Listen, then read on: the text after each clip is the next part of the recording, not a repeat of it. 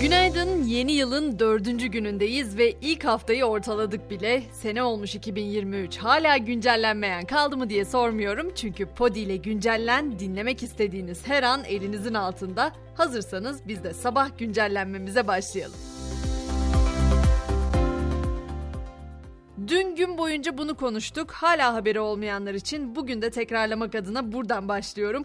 2023'ün ilk 6 ayındaki memur ve emekli maaşı zammı %25 olarak belirlendi. En düşük memur maaşı 11.396, en düşük memur emekli aylığı ise 7597 lira oldu. Yıllık enflasyonun belli olmasıyla gözler bu kez de özel okullar için belirlenecek zam oranına çevrildi. Yönetmeliğe göre zam yapılabilecek en yüksek oran %105. Yeni zam oranını bugün açıklayacaklarını söylemişti Milli Eğitim Bakanı Özer ve sadece tüfe üfe oranlarına bakmayacağız, velilerimizi de koruyacağız ifadesini kullandığını da hatırlatmak istedim.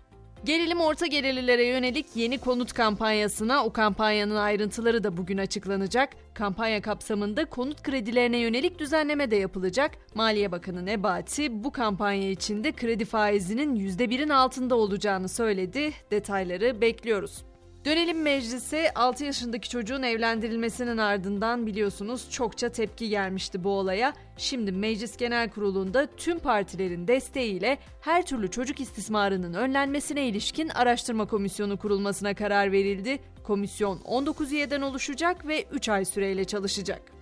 Gündemdeki yolculuğumuzun yargı koridorlarındaki kısmına geldik. Ülke Ocakları eski başkanı Sinan Ateş'in öldürülmesiyle ilgili mahkemeye çıkarılan 3 şüpheli tutuklandı. Zanlılar tasarlayarak öldürmeyle suçlanıyor. Bir diğer konu çokça konuştuğumuz sahte doktor olayında ise Ayşe Özkiraz ilk kez hakim karşısındaydı. Sadece bir kez dikiş attığını belirtti ifadesinde Özkiraz ve onun tutukluluk haline hükmedildi. Duruşma ise 30 Ocağı ertelendi.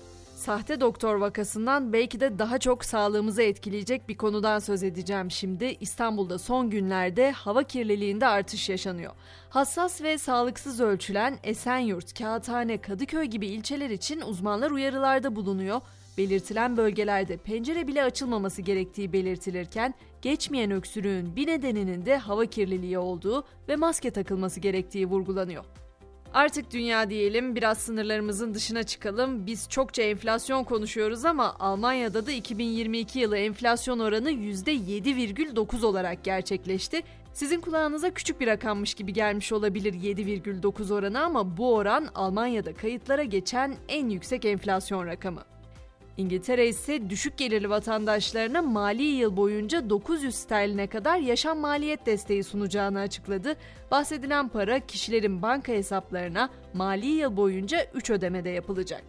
Öte yandan İngiltere'nin başı grevlerle de biraz dertte diyebiliriz. İngiltere'de ücret artışı talep eden 40 bin demiryolu işçisi yeni yılın ilk haftasına 48 saatlik grevle başladı. Demiryolu çalışanları uzlaşı sağlanmazsa 6 ve 7 Ocak'ta da greve gidecek. Bu arada Avrupa Birliği ülkeleri vakaların arttığı Çin'den gelen yolculara yeni tedbirler uygulamaya başladı. Avrupa Birliği yönetimi de Çin'e aşı dahil her türlü desteği vermeye hazır olduklarını belirtti. Çin ise bu tedbirlerin bazılarının orantısız ve kabul edilemez olduğunu bildirdi. Çin'in karşı tedbirler alacağı açıklandı. Gelelim bilim dünyasından haberlere. Mesela ölüm anında gerçekten hayatınız gözlerinizin önünden bir film şeridi gibi geçiyor olabilir.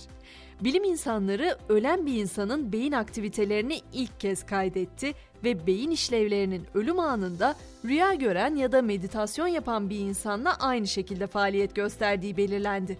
Araştırmacılar kişinin ölümünden önce beynin insan ömründeki en önemli anları son kez hatırlayabileceğine işaret ediyor.